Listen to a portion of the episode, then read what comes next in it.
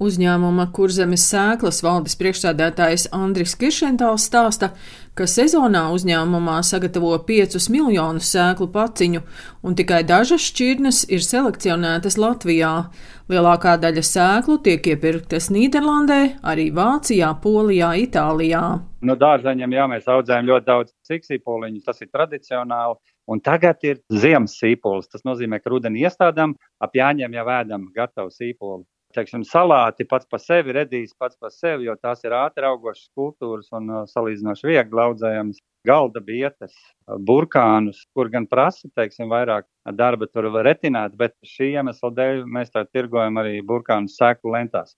Par gurķiem vispār es nerunāšu. To izvēle ir milzīga. Mums ir 30 šķirnītes piedāvājumā, ja, ja ne vēl vairāk. Tā kā gurķus jau nu Latvijā audzē un konservē.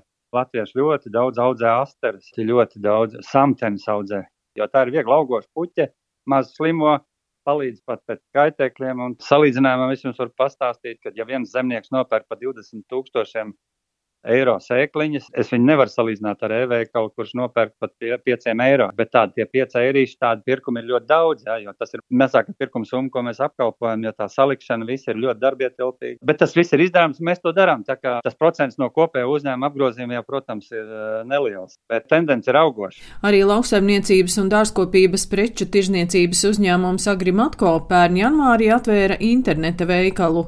Agrimatko vadītāja Māra Bisniece stāsta, ka uzņēmums tirgo sēklas gan lieliem, gan maziem dārzu īpašniekiem, gan bioloģiskiem lauksaimniekiem.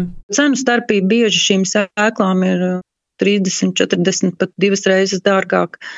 Nu, nevienmēr cilvēki ir gatavi par to tā maksāt. Pagājušā gadā, starp citu, arbūzus melonus cilvēki ļoti sāka mm, meklēt Citi kādreiz pasmējās, kas tā pa modi sēklu pasaulē, bet uh, arī mums ir mode. Un ir tā, ka ir tendences, ka vienu gadu bija modē ļoti visi prasīja rozā tomātus, tad atkal dzeltenos, oranžos. Cilvēki arī ceļojot, visdrīzākais viņi iepazīst augus arvien plašāk un arī grib riskēt, mēģināt pat eksotiskus augus audzēt, kā piemēram turku zirņus vai, vai šogad kaut kā pipari ir ļoti iecienīti. Es gribu vienu maigāku, vienu asāku. Cilvēki ir izglītoti, viņi lasa, paši apmainās dažādos dārzkopības eh, fórumos un viens otru iedvesmo. ja cilvēki pirka vairāk eh, zālītas sēklas, sēja mauriņus, tad bija tā kā labāki laiki. Tad pašreiz cilvēki vairāk sēja dārziņus, audzē puķis paši, un viņi vairāk ir pie dabas un pie zemes, un tas ir skaisti. Latvijas lauku konsultāciju centra augkopības nodaļas vecākais speciālists dārzkopībā Māris Narvils izceļ Latvijā sākto kustību sēklu lološanu un uzsver, ka pirms sēklu iegādes jāplāno dārs un jārēķina, cik sēklu vajadzēs. Tie, kas iesāka, es tomēr ieteiktu pieturēties pie šķirnēm, jo tām ir vienkāršāka kopšana, viņas ir pieticīgākas. Ja tā pieredze, protams, ir lielāka, tad, protams, ka var skatīties hibrīdu virzienā. Protams, ka vienmēr vajadzētu pirkt mazliet ar rezervīti, vismaz kāds 10%. Ja gribās lielāku daudzveidību, ir dažādi miks piedāvājumi gan, gan tomātu sēklām, garšaugu sēklām, bazilikiem, kur vienlaicīgi nelielos daudzumos, tad var iegūt lielāku šo daudzveidību. Nu, un padomāt arī, protams, par to, kā nodrošināt šo zaļo konvejeru savā dārzā, kad ir visu laiku iespējams uh, ievākt šo dārziņu produkciju.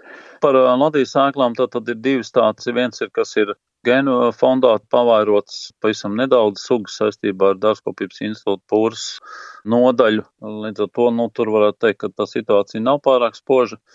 Ir prieks par citu kustību, sēklu lolotāju kustību, kur paši ievāktās sēklas cilvēki var apmainīties iepriekšējo paudžu atstāto mantojumu sēklu veidā, tad, tad turpinot viņas pavairot un mainīties ar tām sēklām. Tas ir tas, kas arī palīdz šo vietējo neoficiālo genofondu uzturēt, un es domāju, ka ir vesela rinda kultūras, kur tas ir iespējams, kā dažādiem pākšaugiem, arī kādas garšaugi un, un, un citas lietas. Audzējot dārziņus un puķes, cilvēks ne tikai papildina savu ģimenes budžetu, tas ir arī psiholoģisks ieguvums, jo rada prieku un gandarījumu. Daina Zalamane, Latvijas radio.